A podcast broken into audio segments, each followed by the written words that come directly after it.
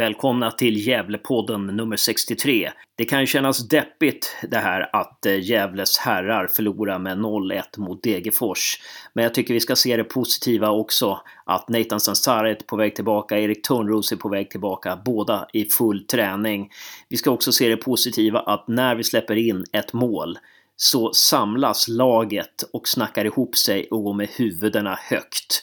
Inget deppande, inte elva spelare som går och deppar för sig själva utan laget snackar ihop sig och går stolta och tar sig an matchen med högt huvud. Det är härligt att se. Det är också härligt att se Jessica Westrin göra 1-0 för GIFs damer borta mot Avesta och ge oss den första segern i den första matchen i division 1. Fantastiskt! Kom och stötta damerna nu på lördag klockan 14 hemma mot Bälinge ett lag som för inte som, så länge sedan eh, låg i högsta serien. Och eh, sen, ni som vill, åk till Norrby och se herrarna 17.30 börjar matchen på söndag. Ja, den här podden innehåller en intervju med Jessica Westin. Därefter snackar jag och Josef, jag heter Hasse. Eh, vi snackar lite om matchen mellan Gävle IF och Degerfors. Därefter blir det ett ett eh, ganska långt snack med eh, Mackan Bengtsson, assisterande tränare i Gävle IF, om Degerfors-matchen och eh, hur det kan se ut mot Norrby på söndag. Vi vill också passa på att gratulera Mats Ädel som vann vår tävling, Gävlepoddens tävling, där vi eftersökte en spelare som debuterade i Allsvenskan av 18 år och som har spelat i tre allsvenska klubbar, bland annat GIF, och som har en koppling till Söder. Den spelare vi sökte var James Frempong. Det var en luring, jag vet. Och Söder, eh, det med anledning av att hans eh, föräldrar är ifrån Ghana. Men eh, det kom många bra förslag. Det kom Micke Rönnberg, det kom Pelle Olsson, det kom eh, Erik Larsson med flera. Stefan Lundin var det också en som skrev. Men det, vi kommer snart med fler tävlingar så att ni som inte lyckades vinna nu, ni kan vinna framöver. Ja, det var allt som jag vill säga inför 63an. Vad ska ni göra nu? Jo, nu ska ni lyssna. Hörs och ses. Hej!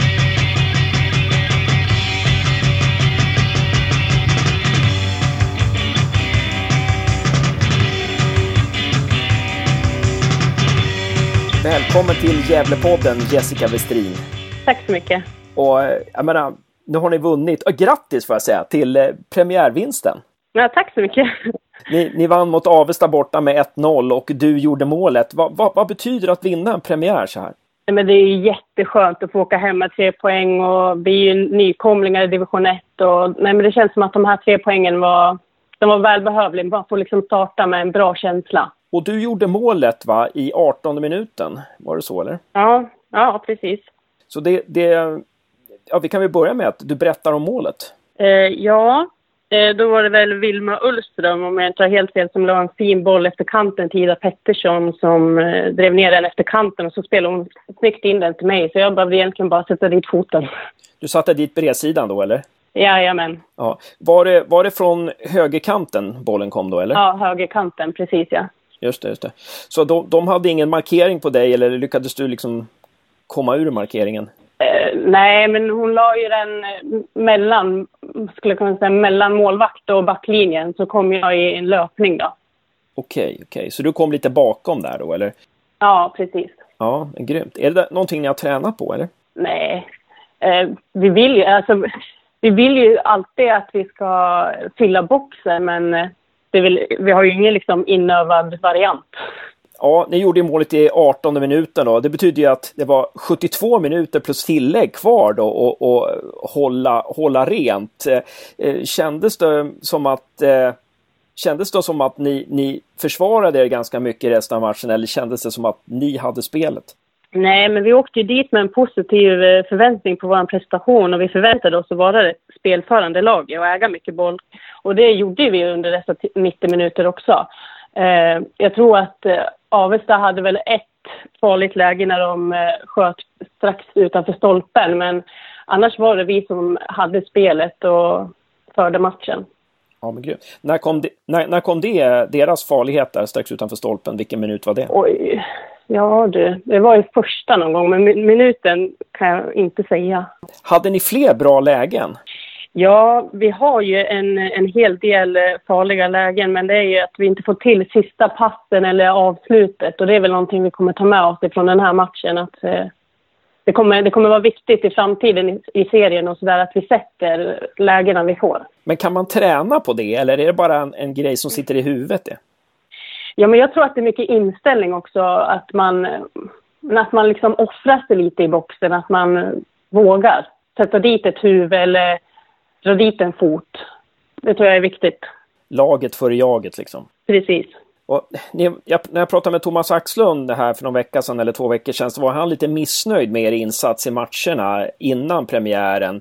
Eh, och, och, hur skilde sig matchen idag mot de här matcherna ja, som var innan er? Ja, ja vi har ju vi har inte fått till vårt spel, eller det spel vi vill, vi vill få till har vi inte fått till i de tidigare träningsmatcherna. Sen har vi mött bra mot, motstånd, det är ju ingenting man kan sticka under stolen. Men eh, det känns som att vi, vi har ju också möblerat om lite. Man har haft nya spelare på nya positioner, men nu känns det som att vi har fått till så som vi vill spela och eh, de spelarna som har fått lite ovana positioner har fått spela in sig lite mer. Det är väl det som är skillnaden idag. Vilka, vilka spelare är det som har lite ovana positioner? Ja, Vilma Ullström kan vi ju hitta på en, en högerback. Idag spelar hon högerback. Eh, hon brukar ju vara yttermittfältare egentligen. Eh, Jossan, eh, Josefin Blom, hon brukar ju vara innermittfältare eller var på innermittfältet och idag spelade hon vänsterback.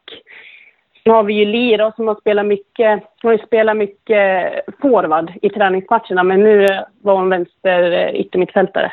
Så att med, med, det låter ju som att när, när ni får Li då på, på vänster mittfält då får ni egentligen in då får ni in både dig och Ida i startelvan. Det blir ganska offensivt då. Och Elin är ju också ganska offensiv så här så att... Ja, precis. Ja. Eh, ja, men det känns som att Li, man får ut mer av Lis eh, eh, kvaliteter på yttermittfältet och ja, hon, hon bidrar positivt i, i anfallen. Eh, bra, då, då, då, hon kommer mer med i spelet liksom på, på mittfältet ja, då? precis. Mm. Och sen alltså en ny högerback och en ny vänsterback. Är det där att ni försöker täcka upp lite för, för um, Anna Björklund då som eh, drog till Sundsvall? Att det blir lite nyheter där i backlinjen eller? Eh, ja, alltså vi har, ju, vi har ju en del backar. Vi har ju Kajsa Erin också som satt på bänken idag. Så har vi Korsell som inte var med idag. Lagge som eh, tyvärr är skadad då. Så vi har ju backar men eh, Vilma och eh, Jossan gör absolut eh, toppen bra på backen. Ja, vad kul. Ehm, och så Tilda i målet, hon behövde inte göra så mycket idag då, eller? Nej, de, jag ska inte, de var inte, eller Avesta, de satte ju en press och de, Avesta var ju ett, ett gäng med bra inställning och så, men det var väl inga riktiga farliga lägen.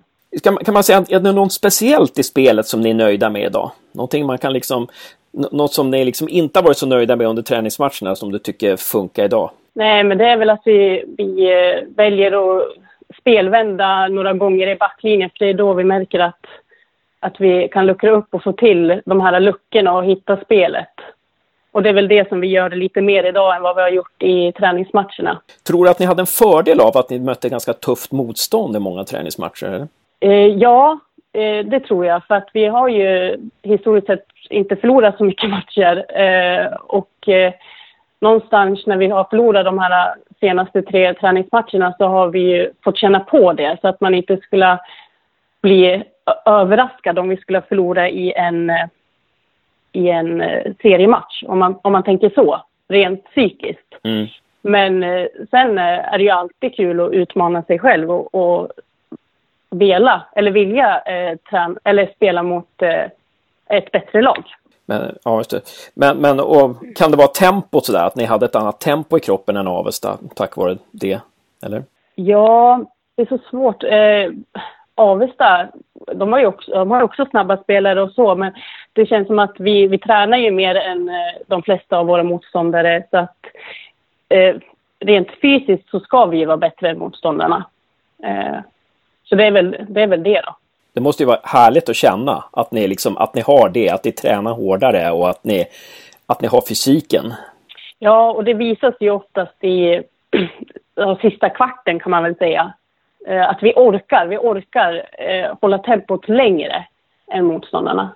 Men det, det, det, är ändå bara att ni hade, ni hade ju ändå bara 1-0 till slutet här. Hur, hur, var det något nervöst på slutet eh, när det bara stod 1-0 så här? Ja, jo, men vi backade ju hem och det blev väl en hel del eh, flipperboll skulle jag vilja säga. Eh, det var ju en hel del långa bollar, man försökte rensa bort dem. Eh, men det var väl i stort sett bara för att vi skulle få åka hem med tre poäng. Ja, precis, precis. Niklas och Thomas då. Vem är det som pratar mest under matchen? Vilka, vem är det som ger mest taktiska råd under, under matchens gång? Nej, jag tycker det, det är 50-50 på den. Jag tycker de båda ger, ger lika mycket råd. Och... Någonting som du kan dela mer av? Någonting som de sa under matchen som ni, i deras, sin, deras coachning? Ja, i halvtid, det var väl att vi skulle försöka rulla mer i backlinjen, spelvända fler gånger. Uh, ja, det var väl det som var det, det i det stora hela. Ja, var snabbare i omställningarna då alltså, eller? Ja, eller för, ha tålamod, det är väl det. Att vi ska försöka ha ett tålamod och våga rulla några gånger i backlinjen så att vi luckrar upp lite. Uh, men uh, ja. Att inte, att inte bara försöka avsluta, gå på avslut direkt utan... inte... Nej, precis. Ja men bra. Eh, är det någon spelare idag eller några, någon eller några spelare som överträffar sig själva eh, idag jämfört med försäsongen som du skulle säga? Nej, men jag tycker ju att alla är eh, duktiga fotbollsspelare och alla, alltså, alla ger ju lika mycket på fotbollsplan. Sen är det ju jättekul att se när man väljer att byta in eh, avbytarna eh, och se att de kan bidra till eh, ny energi. Och det gör så mycket i matchbilden. Någon avbytare där som du kan, vill nämna särskilt då, som kom in? Och... Ja, Klaris eh, ju med mig i 68 minuten. Eh, hon kom in med ny energi. Så hade vi Vilma Gavlén som kom in på yttermittfälten eh, och eh, gav mer energi. Ja, grymt. Vi kanske ska säga till lyssnarna att Klaris, det är, det är Klara Engstrand det, som är... Ja, klar, precis. Och, så, och så, ja, men det är kul, kul att vi, vi får liksom ta del av hennes smeknamn så här. Och det, hon var ju alltså ja. bästa målskytten, er bästa målskytt förra året då, och, och började ja. på bänken. Och det vittnar ju om att ni har ganska starkt lag i år. Ja, konkurrensen är hård och Ja, man, man utgår ju hela tiden ifrån eh, motståndet och vad man, vad man vill ha för... Vi alla har ju olika kvaliteter och olika styrkor. Eh, så man, idag valde man att sätta Klaris på sidan, men eh, nästa match kan hon lika gärna starta. Ja, precis. Jag kommer på lite sådana små frågor. vi ska snart avsluta, men eh, hade Niklas och Thomas, hade de eh, scoutat motståndet innan, eller? Ja, de eh, hade varit iväg på och kolla med Avesta, men jag vet inte vilka de mötte. Men jag vet att de har varit med, eller iväg och kollat på eh, Avesta i genrepet. Men jag har faktiskt ingen koll vilka, Avesta mötte. Nej, det behöver du absolut inte ha. Men, ja, men det, det, det är intressant. Men om, om det finns så här nördiga fans då som, som vill se matcherna. Det, det går väl inte att se era bortamatcher någonstans där på, på video. Spelar ni in era matcher på video? Vet du någonting om det eller? Nej, nej det gör vi inte.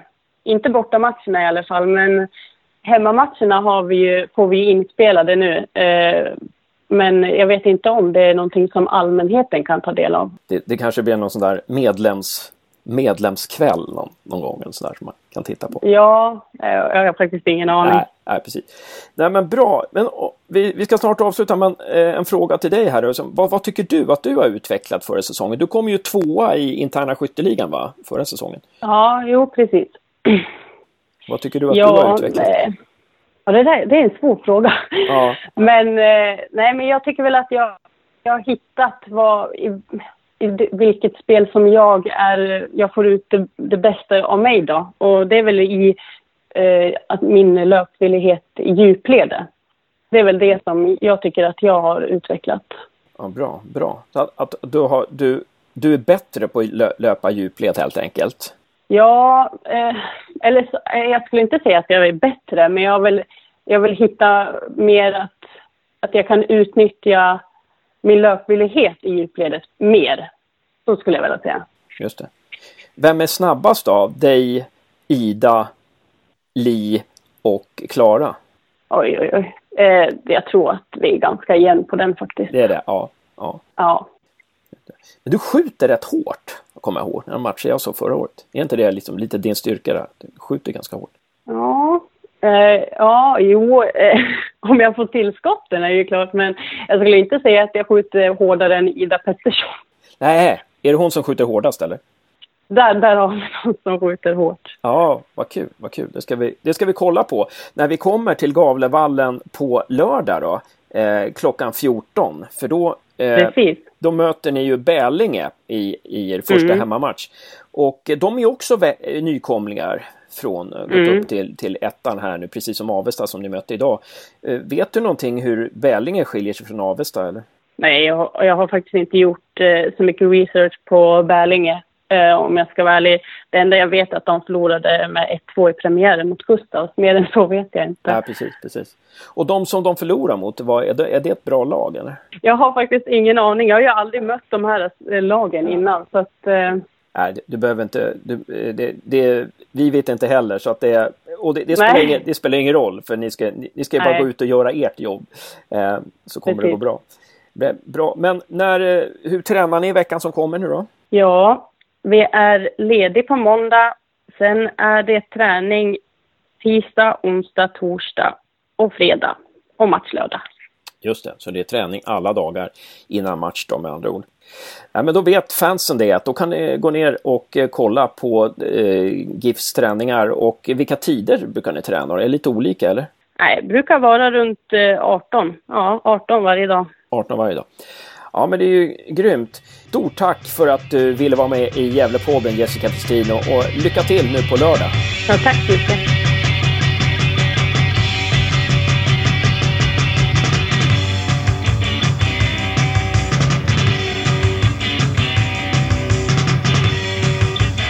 Ja, då sitter vi här på Bynäsgatan. Det är söndag, dagen efter Gävle IFs förlust mot Degerfors på hemmaplan med 0-1. Eh, jag och Josef ska försöka med nyktra ögon, hoppas vi, titta lite på den här matchen, eh, laguppställningen, resultatet, eh, matchbilden och sia lite om framtiden. Vi måste börja någonstans och vi kan ju börja med laguppställningen då som eh, ja, blev lite överraskande. Vad kände du när du fick se laguppställningen först Josef? Först tyckte jag det var en väldigt konstig laguppställning då man tänkte satsa med Sarkovic, eh, Sarkovic på topp. Eh, sen fick vi höra när vi intervjuade Mjällby att eh, så inte är fallet, utan det är en fint. Och på något sätt så blev det bara sämre därifrån. Jag tyckte det var konstigt att man valde att spela Gusman i en defensiv mitterroll som man inte har gjort på hur länge som helst. Jag tycker det var konstigt att man eh, min känsla var att de använde Florén som wingback i första halvlek. Vilket var konstigt för att försöka få upp Piotr i banan. Och eh, nej, jag tyckte, ing tyckte ingenting fungerade helt enkelt. Uh, och uppställningen, ja, jag vet inte vilken uppställning de hade heller. Men lag, alltså, laget de valde att ta ut var väl... Vi saknar ju vi saknar vissa spelare. Vi är lite för tunn på vissa positioner. Hur hade du velat ställa upp om du hade samma material som Mjällby? eh, inför Degerfors-matchen. Eh, du kan fundera på det. Jag ska bara förklara för lyssnarna att vi snackade med Mjällby. Vi snackade lite med Mjällby i vippen där inför matchen. Vi snackade också lite med Stefan Jakobsson, eh, Degerfors tränare.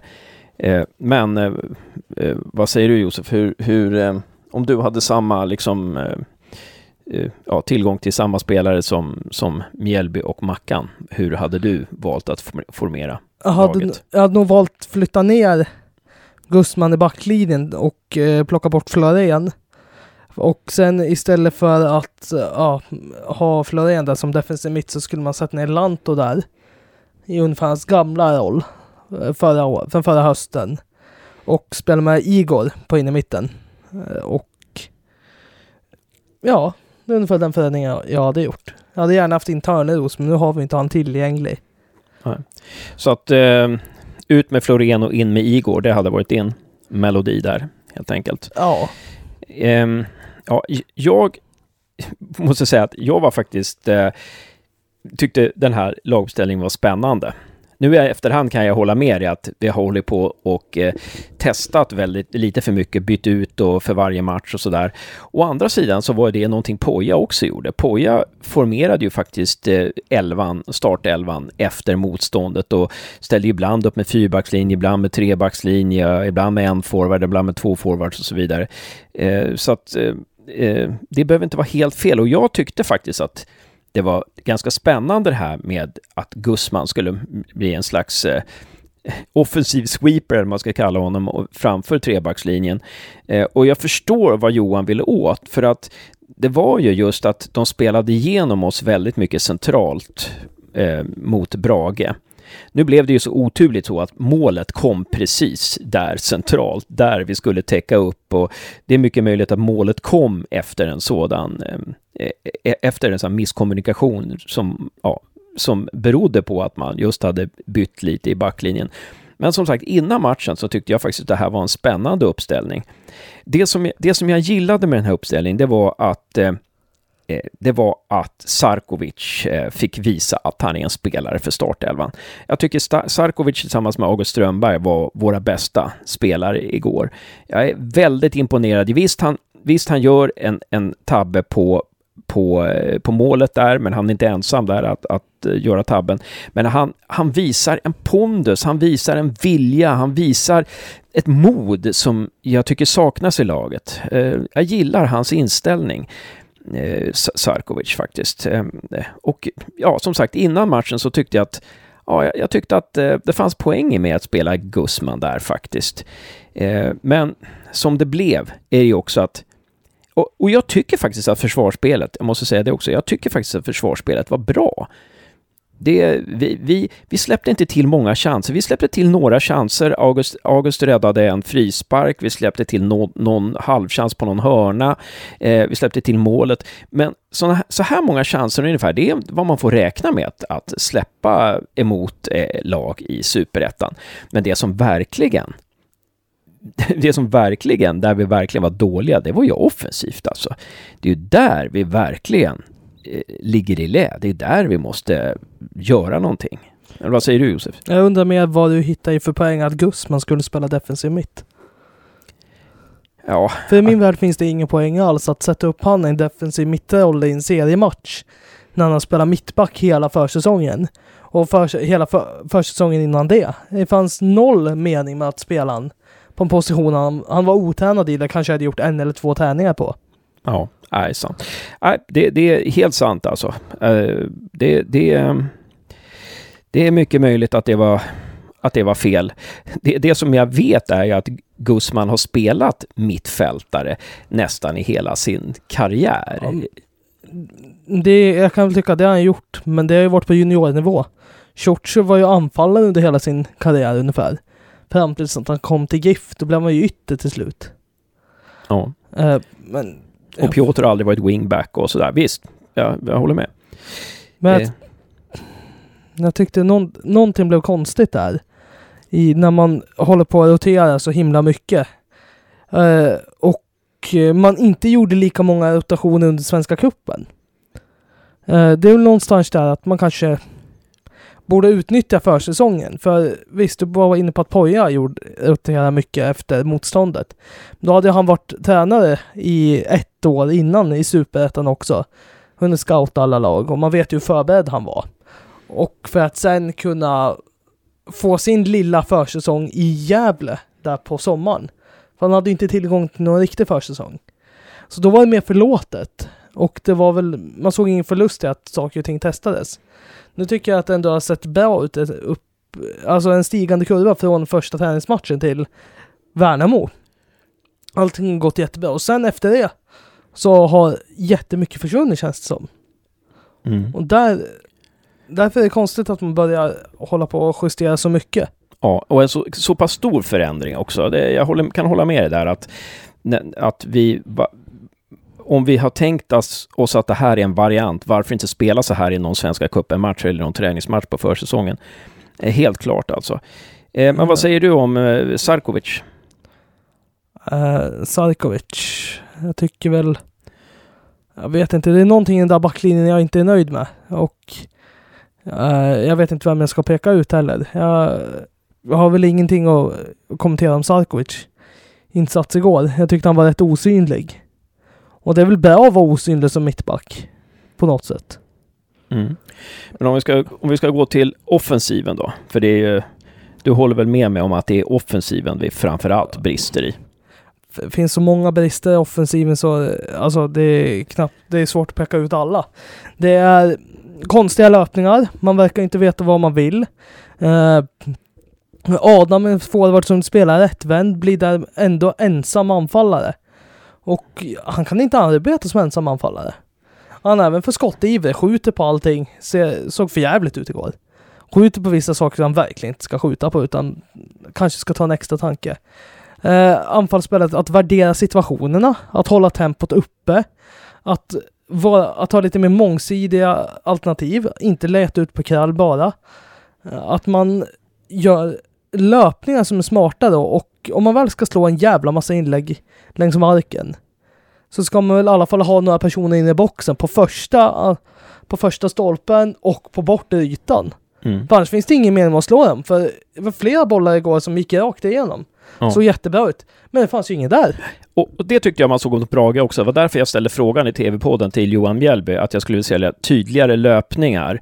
Eh, och eh, ja, och så vidare. För det, det, det, jag håller helt med dig. Det var ju en gång till exempel Adam kom i första halvlek på högerkanten och eh, där Leo bland annat fanns där inne och det kändes som att bollen bara gick in på chans. Leo jag skulle vilja där veta att Leo vet när Adam gör så eller när Leo ger tecknet så eller när Leo tar den löpningen så ska Adam veta vart, var han ska slå bollen, vart han ska slå bollen. Eh, ja, jag håller med. Det, alltså, sådana saker, att det är alldeles för mycket på chans. In med bollen och hoppas att den studsar på någonting. Alltså det, så kan vi inte spela. Och så, jag håller med också, det var alldeles för lågt tempo. Vi måste upp med bolltempot om vi ska, om vi ska kunna vara ett spelförande lag, om vi ska kunna hota framåt, så måste bolltempot upp. Vi måste kunna flytta motståndarna i sidled för att öppna upp luckor. Det var alldeles för lågt tempo och de, de, de eh, pressade ju fast oss i, alltså, i jämnhöjd med, eget, eh, med egen straffpunkt i princip flera gånger. Där vi liksom bara i panik slår bort bollen. Eh, jag vet inte, förstår inte hur de kan pressa oss så lätt medan vi absolut inte kan pressa dem lika lätt. Ja, jag tycker också konstigt när man väl måste gå för en seger där på slutet, eller en kvittering menar jag. Eh, och så eh, kommer man inte till åt någon ansats. Eh, det är alltid så stora luckor mellan anfall och mittfält och man får inte det här trycket. Det var som när jag såg Degerfors möta Halmstad här i sista kvarten förra matchen för Degen. Och eh, jag var helt säker på att Degen skulle vinna, vända och vinna, för de var så överlägsna. I underlägen, pressa fram hur mycket som helst. Medan Uh, Gävle idag, igår mot Degen inte kom till någonting. Det Nej. var alltså mittfältarna. Alltså Ljungberg verkade inte veta vad han skulle göra.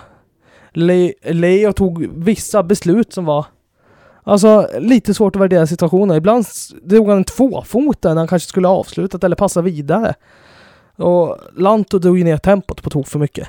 Det var ju otroligt dåligt bolltempo där. Mm. Jag tror att vårt första skott på mål kom i 70 minuten eller någonting sånt där. Och eh, det blir svårt att vinna matcher med när, när det ser ut så på det viset. Och sen är visst, vi har ju två straffsituationer, men vi...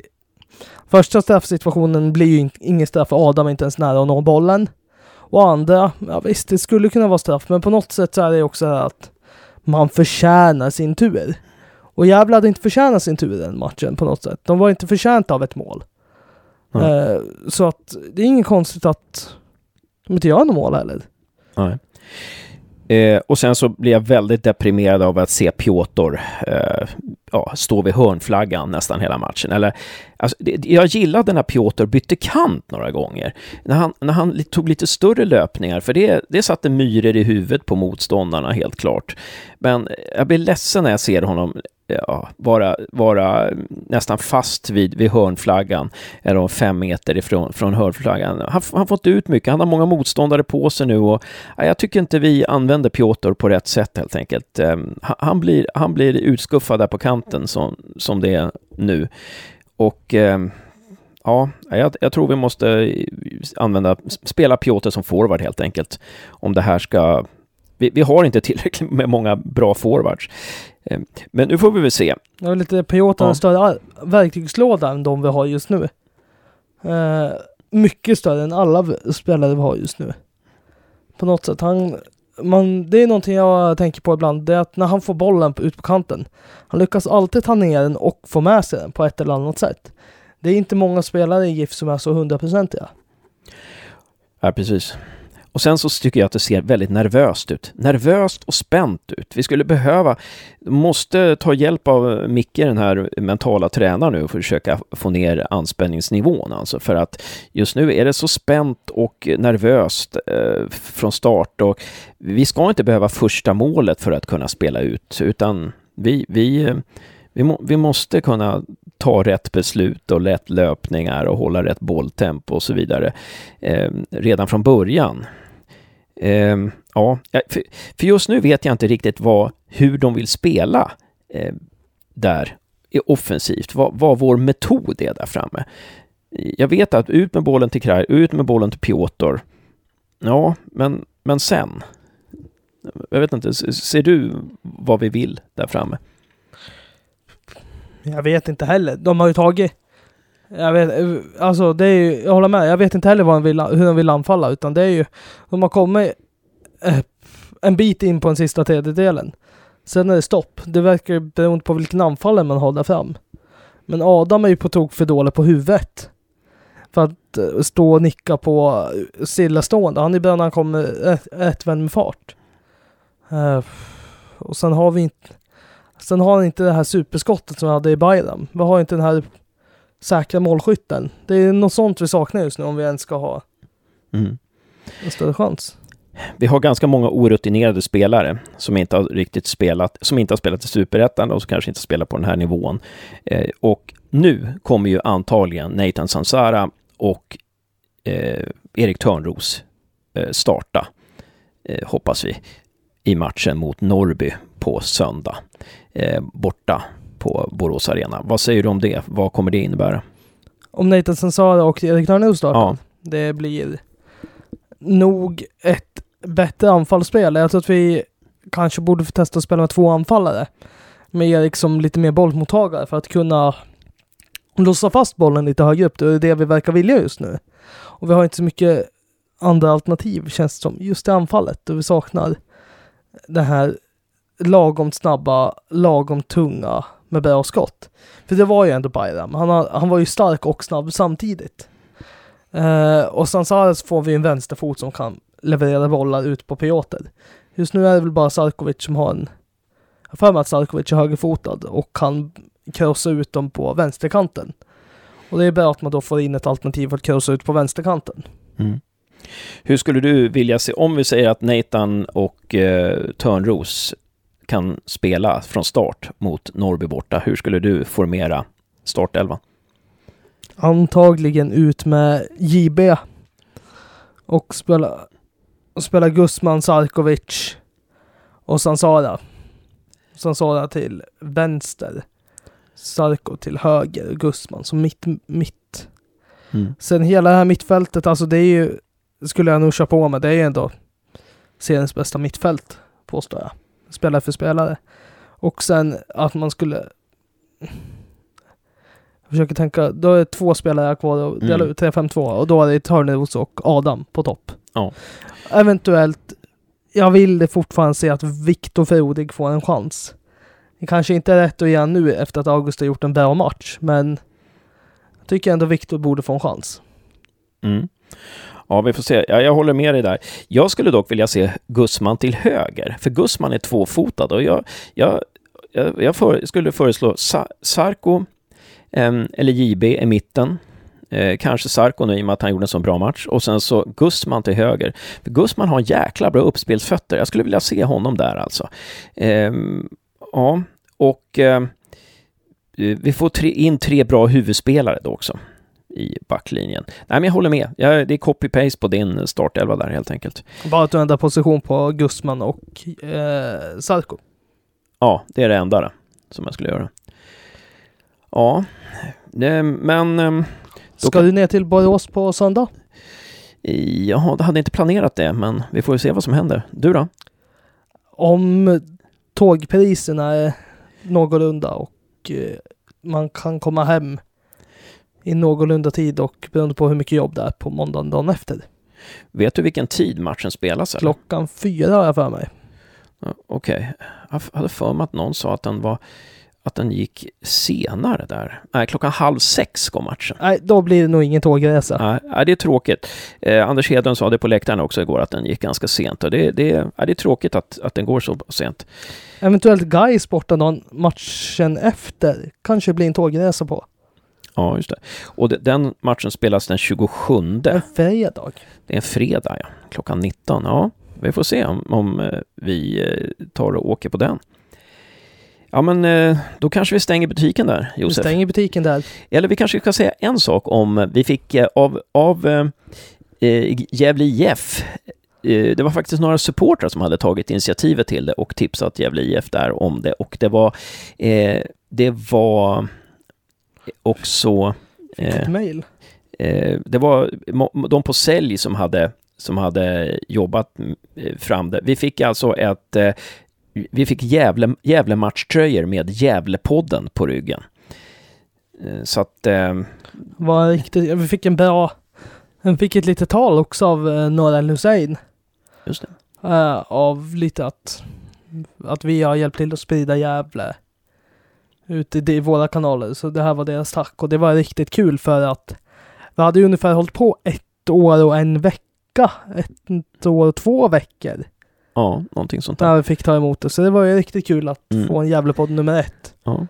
Så tack eh, supportrarna, ni som tog initiativet till det och eh, tack GIF för att ni, ni eh, gav, oss till, gav det till oss och tack Sassa får vi också säga, för Sassa hade en stor del i den här, att vi fick tröjorna. Han Eh, beställde in tröjorna vet jag. Ja. ja, men det var jäkligt kul. Så de ska vi ha på oss i nästa tv-sändning tror jag. Ja, men, eh, bra jobbat Josef. Eh, lycka till med att byta till sommardäck imorgon då. Eh, och ehm, hoppas det går bra. Tack detsamma. Eller tack. Eh, nu är jag riktigt trött. Jag vet att det, jag måste gå och lägga mig om tio minuter ungefär. Eh, och sen vill jag också bara säga att eh, vinnaren av tävlingen, eh, vinnaren av tävlingen eh, blev Mats Ädel som lyckades svara rätt på frågan eh, eh på den spelare vi sökte. Vi sökte ju en spelare som debuterade i Allsvenskan som 18-åring, som har representerat tre klubbar, bland annat Gävle IF, och som är från Söder. Rätt svar var James Frempong. Eh, James Frempong Söder, ja vad bety- betyder det? Ja, det betyder att eh, hans eh, eh, föräldrar är från Ghana, så att han har ursprung i Ghana. Det var det som vi sökte där. Det var några som hade föreslagit Erik Larsson, Pelle Olsson Jesper Florén. eh, och Micke Rönnberg. Bra, väldigt bra förslag allihopa, men de föll på lite olika grejer. Micke Rönnberg debuterade i Allsvenskan när han var 19. Eh, Pelle Olsson eh, lika så. Eh, Erik Larsson likaså va? Erik Larsson är från Sätra och inte från Söder. Eh, ja, det var lite sådana här saker som det föll på. Men, men bra jobbat allihopa och eh, Mats Edel kommer få eh, Erik Nivas senaste bok signerad också. Dessutom kommer han få på posten.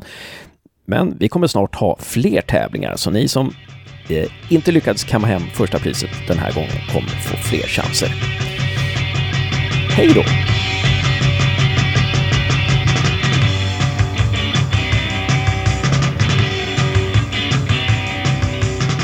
Välkommen till Gävlepodden ännu en gång, Marcus Bengtsson. Tack så mycket. Och det har gått två dagar, eh, eller två dygn lite knappt efter eh, förlusten hemma mot Degerfors. Och, eh, hur har ni bearbetat det här? Hur ser det ut? Hur går ni igenom det med, med laget direkt efteråt?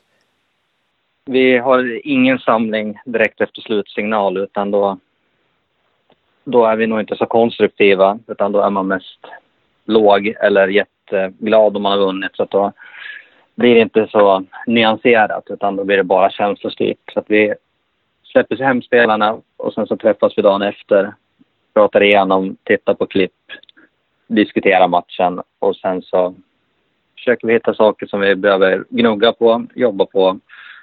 Ändå försöka hitta saker som vi gör bra, som vi ska fortsätta göra. Och eh, sen så är de lediga idag. Och sen så börjar vi om igen tänkte jag säga och börja titta på nästa helg, eller helgen som kommer här mot Norrby. Och har du och eh, Johan då gått igenom matchen och, och eh, tagit ut några klipp då som ni ska visa för spelarna? Ni har förberett er liksom innan den här träffen då?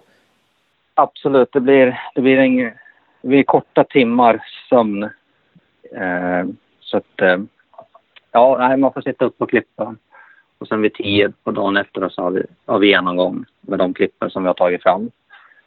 Och då har vi sett matchen två, tre gånger var, både jag och Johan, så vi har en, en klar bild över vad, ja, vad, vad vi tycker och tänker utifrån det vi ville med matchen. Mm. Och när det gäller fördelningen då, och om ni till exempel ska visa på några situationer som ni inte gjorde bra, hur många sådana situationer eh, tar man fram för att det ska bli pedagogiskt? Det är väl lite så här att är det, är det ett, händer någonting en gång så kan det vara liksom mer ett olycksfall i arbetet. Men ser man samma liksom tendenser flera gånger så är det någonting som, som har blivit fel på riktigt så att säga. Så att om vi skulle ta att vi, vi, eh, vi har pratat om att vi ska ha många djupledslöpningar och så, som, är det en gång vi inte löper så är det inte pedagogiskt att ta med det utan då är det ju ett, en unik händelse. Men om vi aldrig springer, om det blir fyra, fem, sex gånger ett läge som uppstår som vi har pratat om och så gör vi inte det, då, då visar vi det kanske en eller två gånger för att spelarna ska förstå att det har hänt flera gånger och att vi inte tycker att det var det vi ville liksom helt enkelt. Om du förstod ja. jag menar. Precis. Uh, där, om jag tar det exemplet, exakt det exemplet då. Menar, för där mot Degerfors så såg man ju flera gånger när, när uh, Leo och Adam till exempel ställde, alltså, kom i bra position, ställde sig för att komma i en djupledsboll och inte fick bollen. Det var Piotr också kanske några gånger och sen så, liksom, så började man om och sen så har det läget runnit ut i sanden. Var det några sådana gånger? Var det, var det ett exempel som ni tog eller? kanske mer att vi tyckte att vi hade, vi, vi hade för många lägen som skulle kunna ha gett oss nästan som du säger frilägen, men där passningen som är, är, är för dålig helt enkelt. Att, då tänker jag kanske att vi har några lägen där vi kanske skulle kunna sätta upp varandra med att spela bollen på, på foten eller lite framför och så skulle det leda till att vi får en en mot en till och med ibland nästan ett friläge. Men så hamnar bollen lite bakom och den hamnar lite framför och den blir lite lös eller den blir för hård. Och så blir det, liksom, blir det ingenting av det. Och det där kan vara svårt att se i matchen. Men jag tror att när man, tittar, när man får se matchen igen så är det säkert fyra lägen där vi spelar enkla passningar med lite för dålig kvalitet som skulle kunna ha renderat i riktigt heta lägen. Så det, det var några sådana vi pratade om. Och där tror jag också att just de här passningarna i djupled kanske också är med, så att säga. Eh, beror det på anspänningsnivå, tror du? Att man slår, att passningskvaliteten blir så att till synes enkla passningar går helt galet? Lite tror jag att det är det. Och sen så tror jag att det är lite så här att man kanske tänker att det är, det är enkelt och så gör man det inte med full, full närvaro utan man, man nästan slentrianpassar istället för att det kanske finns en passning eller ett läge som är svårt för oss som vi kanske kan trockla oss ur på ett fantastiskt sätt. Men när det kommer det enkla så kanske vi hade lite problem med att vara liksom fullt koncentrerad. För det, det går inte att säga att det är tekniskt svåra passningar som vi slår bort, utan det är vi, vi tar inte chanserna riktigt på, jag vet inte om man ska säga allvar, men vi är inte riktigt tillräckligt fokuserade i de enkla momenten. Vi tror att det kanske löses av sig själv.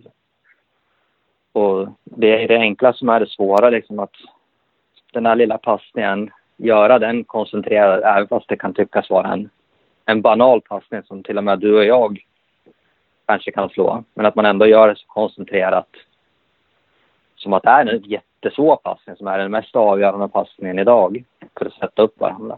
Men, men eh, du tror inte det kan ha någonting med anspänningsnivå? För att jag, jag vet inte, det kanske bara var min tolkning. Jag tyckte det såg lite spänt ut sådär. Har ni pratat någonting om det eller? Jo, men det, det, det tror jag, det var väl någonting vi pratade om att vi kände att vi, vi släpper kanske loss i andra halvlek där, när det står 1-0 till, till Degerfors. Och som, då har vi våran... Då spelar vi väldigt avslappnat och vi spelar liksom kontrollerat och vi plockar upp mycket andra bollar och vi, vi känns ganska heta liksom utan att kanske gräva fram den där riktigt heta chansen. Men att vi lite, ham, att, lite handbromsen i känsla, det, det delar jag nog. Ja. Och, och, det är oftast lättare att spela, spela, att spela avslappnat i ett läge där det inte finns så mycket att förlora. När man, när man väl har fått ett mål i baken eller när man ligger under med 3-0 mot Brage, då finns det inte så mycket att förlora. Då kan man bara gasa liksom. Eh, men att när det står 0-0, eh, ja, att, att, spela, ja. att spela avslappnat, man, man leder med 1-0 när det står 0-0, det är kanske det som är finessen. Ja, absolut. Det, det, är, det är någonting som vi, vi måste jobba med och som spelarna också själva känner att vi, vi, vi är lite, lite ängsliga i, i vissa lägen där vi kanske skulle kunna... För att vi vet ju om att även fast vi ligger under med 1-0 då visar vi ändå att vi kan spela. Det Det är vi som gör det spelet oavsett att kanske Degerfors blir lite mer defensiv men vi spelar ännu bättre. Så det handlar inte om att vi inte kan utföra det utan det är att vi måste klara av att göra det i längre perioder och tidigare i matcherna. Så vi känner att, och det var ju spelarna väldigt tydliga med att uttrycka också att de tycker själva att, att vi, ja, vi är lite för, för försiktiga. Um. Men om du jämför, du har ju antagligen sett Brage-matchen också flera gånger. Om du jämför insatsen mot Brage med, mot insatsen mot, med insatsen mot Degerfors, vad skulle du säga då? Uh, ja, alltså jag tycker att det här är en match som är... Jag tycker att vi kanske hade fler chanser mot Brage men vi släppte till flera chanser mot Brage. Här har vi kanske inte riktigt lika många lägen. Men jag tycker heller inte att vi släpper till riktigt lika många lägen. Så det känns ändå ganska tryggt försvarsmässigt i längre perioder. Och eh, jag tycker att vi... Ja, alltså dels så... Vi, det rinner ju inte iväg. Det blir liksom inte 2-0 pang Utan vi, vi håller ihop det. Vi, vi håller ihop det efter vi har släppt in ett mål också. Så det tycker jag det är liksom ett framsteg. Sen är det svårt att ge, liksom, det är två helt olika lag med två helt olika arbetssätt och det är svårt att liksom dra paralleller mer än så på, på, den, på de matcherna. Två helt så olika, att, två helt olika ja, det, väder också. Ja, det kan man ju lugnt säga. Det var helt andra förutsättningar. Men om man skulle säga att ni hade en plan hur ni ville spela. Eh, du har bra, varit inne på det lite där att vi, ni, ni, ni, slarvade lite med lägena och eh, inte satte upp varandra när ni kunnat göra det. Men om, om du pratar lite om hur ni ville spela mot Degerfors och hur det blev. Vad är det liksom, vad är det, ja, vad är det där som, som saknas? Eller vad var det ni inte gjorde som ni hade pratat om innan? Dels så tycker jag att vi kanske att vi, vi skulle behövt jobba med att vända flera gånger, alltså från, från sida till sida. Och att det hade behövt vändas med hjälp av vårt mittfält. Det blev för många vändningar som skedde i backlinjen. Och det gör att det, det blir ganska enkelt för Degerfors att bara... Det blir inget hot. Utan vi skulle behövt få bollen till, någon, till våra wings som skulle kunna spela in den i mitten och få liksom genombrott på andra sidan för att få dels upp spelare i, i, i boxen, dels för att få Degerfors nedtryckta ännu mer. Men nu blev det mer att vi spelade från högerback, eller från höger wing in till mittback till mittback ut till vänster wing och så, så blev det liksom inte... Vi tog oss inte igenom deras linjer som jag pratade om tidigare och då, då, då är det ganska bekvämt att försvara. Sen så tror jag eh, att vi, vi, vi, hade, vi visste om att de skulle vara väldigt kompakta och försöka ja, hålla nollan och, och sticka upp ibland med sina tre där framme. Vilket de också till slut gjorde. Sen hade vi försvarsmässigt tycker jag att vi försökte, vi försökte liksom ha koll på, på Sargon. Tyvärr så är det på ett sånt läge som de gör mål. Där vi liksom inte blir riktigt synkade. Vi, de, de får lite för mycket tid. Vi pressar dem inte och vi faller inte av utan vi hamnar på klassiskt mellan, mellan, mellanhand och då, då är, är de ju skickliga nog att, att utnyttja det. Eh, jag och Josef har haft lite snack här också som också kommer att vara med i den här podden. Vi, vi pratade lite om att ja, men egentligen är det ju ingen... Alltså de chanser som Degerfors får, det är inte många chanser de får egentligen. Och på det viset som du säger att försvarsspelet är ju ganska bra. Eh, menar, det, det, går inte att lasta, liksom, släppa in ett mål mot Degerfors på hemmaplan, det är ju ganska okej. Okay. Det är ju ingen katastrof. Det som är katastrof är väl, det som är lite negativt är väl i så fall eh, och det är ju du inne på också, det är, det är ju anfallsspelet, att vi inte skapa mer. Att, jag menar, första skottet på mål kommer i 70 minuten eller någonting där. Och det, är väl, det är väl där som problemet ligger kanske. Ja, alltså, och jag, där är jag också inne på att jag tycker att det var... Det är några chanser i första halvlek. Dels där vi pressar ganska bra, vinner bollen. Och så blir den där sista passningen lite, lite fel. Och jag tror att man skulle kunna liksom... Får man en målchans av den där sista lilla passningen, då får man lite självförtroende som gör att man vågar ösa på lite till. Men istället blir det att passningen kommer lite fel och så tappar vi den och så får vi maxa hem och så blir det så lite för mycket sånt spel. Och det är ju mycket självförtroende i, i anfallsspelet, att man känner att man, man, får en målchans eller det blir ett avslut som, som gör att man känner att, ja vad fan, det, här, det biter. Men nu blev det att, och det var det som var lite jobbigt att se, tycker jag. Det var ju inte att, jag hade haft mer förståelse om det var en jättesvår passning som man ska försöka spela in mellan fyra spelare och misslyckas. Men nu var det sån här, ja, sju, åtta, tio meters passningar som, som vi inte fick att sitta på rätt fot som gjorde att vi går liksom miste om de här chanserna som skulle kunna gett oss energi. Mm. Ja, precis. Det här, det här, när du säger det här med mittfältet också, att mittfältet, eh, eh att ja, vi ska ha, skulle behövt flytta bollen lite mer på mittfältet för att eh, ja, skapa ytor då i, i, hos Degerfors. Eh, kan man prata om, om bolltempo där? Att bolltempot var lite för lågt? Det var någonting som jag och Josef snackade om. Ja, alltså framförallt var det att vi vände i backlinjen. Vi hade behövt spela flera bollar igenom deras lag. Antingen i djupled för att dra isär dem eller försöka spela in bollen på en kanske en felvänd spelare för att då kommer deras lag att dras ihop lite och så kan vi spela tillbaks och sen ut så får de springa fler löpningar i hög hastighet och det blir lite de tappar sin organisation.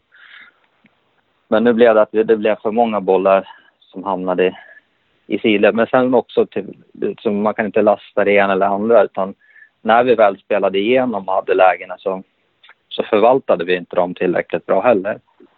Och då räknar jag inte att vi skapade målchanser utan vi skapade lägen som kunde ge oss målchanser. Det, det är den stora skillnaden. Så summa summarum säger vårt så, som, vi, vi, vi skapar inte tillräckligt många heta lägen. Eh, sen så kanske, sen har vi något läge där Adam, det är något inlägg från Krall som Adam nästan är på. Det är ett eh, hårt inspel från Kyoto på kanten som Adam nä, nästan är på.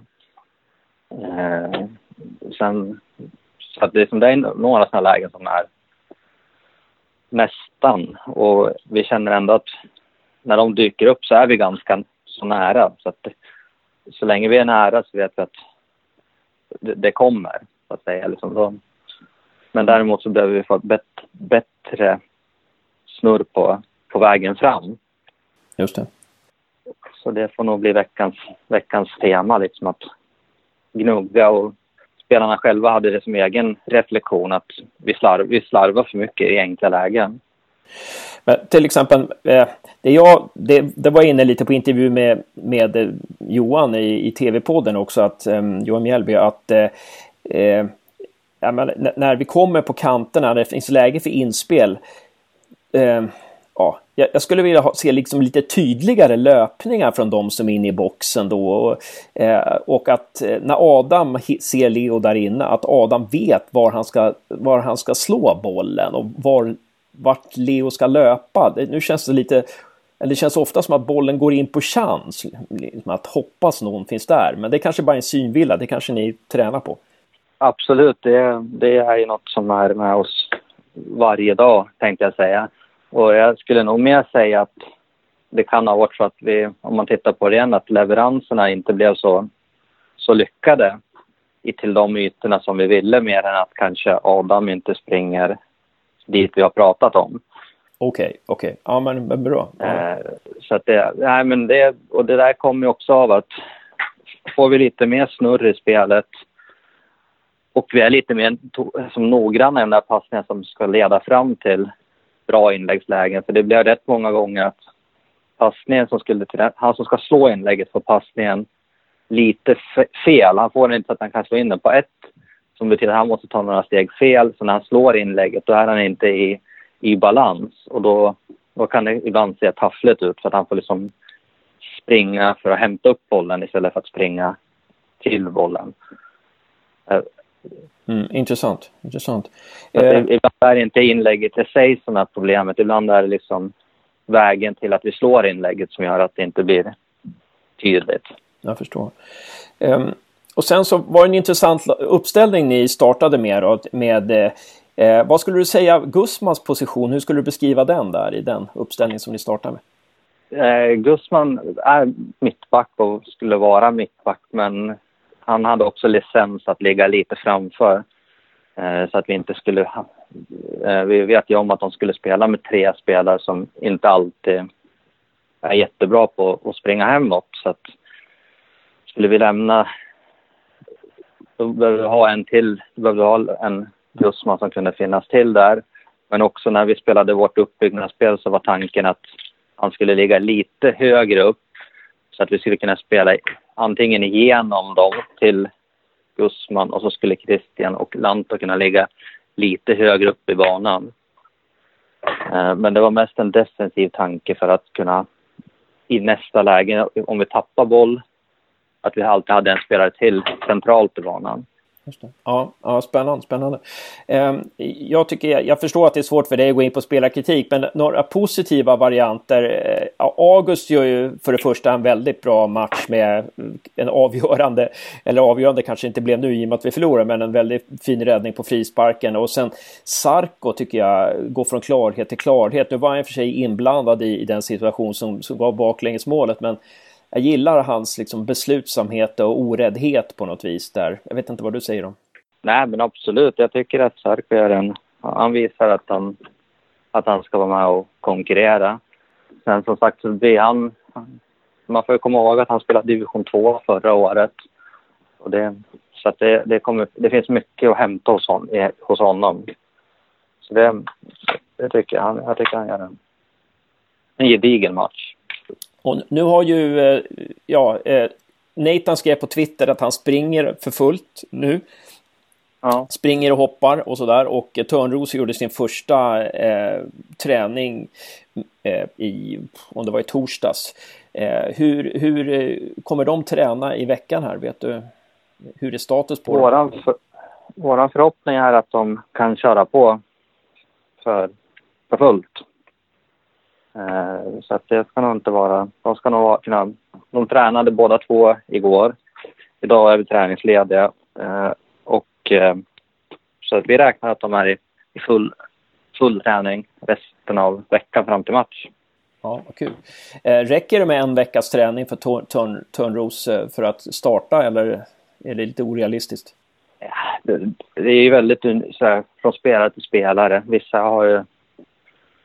För vissa räcker och vissa räcker inte, utan det får man helt enkelt se hur, hur det ser ut här. Nu är det ett dubbelpass imorgon med styrka och fotboll. Sen så kommer vi köra ett, ett overload-pass på, på onsdag. Och där kommer vi nog se ganska tydligt hur den fysiska statusen är. Och så får vi se hur de återhämtar sig inför fredag och lördagsträningen. Eh, men det känns ju som att Törnros och eh, Nathan, det känns ju som två spelare vi verkligen behöver i nuläget. Det är liksom nästan de som är de felande länkarna just nu. En, en ledare i backlinjen och framförallt en vänsterfot kanske och sen så en, en naturlig target där framme. Ja, det ger oss ännu fler alternativ och det var ju det vi ville med, med, med truppen, att vi ska ha både konkurrens men också olika alternativ beroende på vad, vad match, nästa match behöver men också ja, vad, man har för, vad varje spelare har för form. Så det blir ju jättebra att vi ökar upp konkurrensen. Det, det, kommer, det kommer gynna oss i, i alla aspekter, både i match och träning. Eh, och eh, slutligen då två frågor här. Eh, Norrby eh, borta på söndag. Åker ni på söndag morgon då eller? Eh, nej, vi tränar på lördag och så åker vi på lördag efter, direkt efter träningen. Och sen så åker vi hem direkt efter matchen så det blir nattbuss hem. Och sen så hinner man bara komma hem tänkte jag säga och vända så ska vi åka neråt igen då för det är, väl, det är guys ja, precis. veckan därpå. Ni får köpa sånt där Lisebergskort. ja, precis. Ja, det blir busskort får vi i alla fall. Det blir en jävla massa mil i bussen. Ja, det blir det. Eh, sista frågan då. Norrby då. Är, de känns ju lite lika Degerfors på det viset att de eh, de kan vara lite framtunga, väldigt eh, eh, många anfallsspelare och, och kanske kan också vara lite baktunga ibland, alltså att försvara sig och sådär. Likheter, skillnader gentemot Degerfors utan att avslöja för mycket. Nej, men alltså det, de, har, de har ändå behållit ganska många från förra året vi vet ju Borta förra året hade vi tufft och det var ju tufft här hemma också även fast vi till slut knep alla tre poängen på i en rafflande match där. Eh, och eh, har två nyförvärv meriterade med Lasse Nilsson från Elfsborg och Jarsuvat från Dalkurd. Så att, att de besitter mycket offensiv kvalitet, det, det kan vi nog tänka oss. Och att de är ett, också ett fysiskt lag där de har några den här Savolainen och Marcus Översjö som var forward förra året har figurerat som mittback en hel del under året. Så de har, de har rätt mycket storlek också. Så att, men det är som jag tror att de har ett litet annat arbetssätt än, än vad Degerfors har. Det, men det, det, det, det, finns, det är en match som kommer kunna ge oss väldigt mycket möjligheter att spela ett bra anfallsspel om vi gör rätt saker. Men det kommer också vara en match där vi måste vara jäkligt noggranna med vårt försvarsspel. Där det både finns kollektiv kunskap men också väldigt mycket individuell kunskap. Eh, men fram, främst kanske Lasse och, och Järvsövatta som kan... Det är matchvinnartyper som man behöver ha. Ja, det ska bli spännande eh, och eh, följa matchen och nervöst som vanligt. Eh, men eh, eh, stort tack Marcus för att du ställde upp i Gävlepodden ännu en gång. Tack, tack själv. Och tack själv. ja, ha en bra träningsvecka nu och så håller vi tummarna på söndag helt enkelt. Absolut, vi ska göra allt för att få till den bästa träningsveckan hittills. Så ta, ta nästa steg och kliva framåt och vara än bättre än vad vi var. Vi känner att vi kan mer. Så det ska vi försöka locka fram.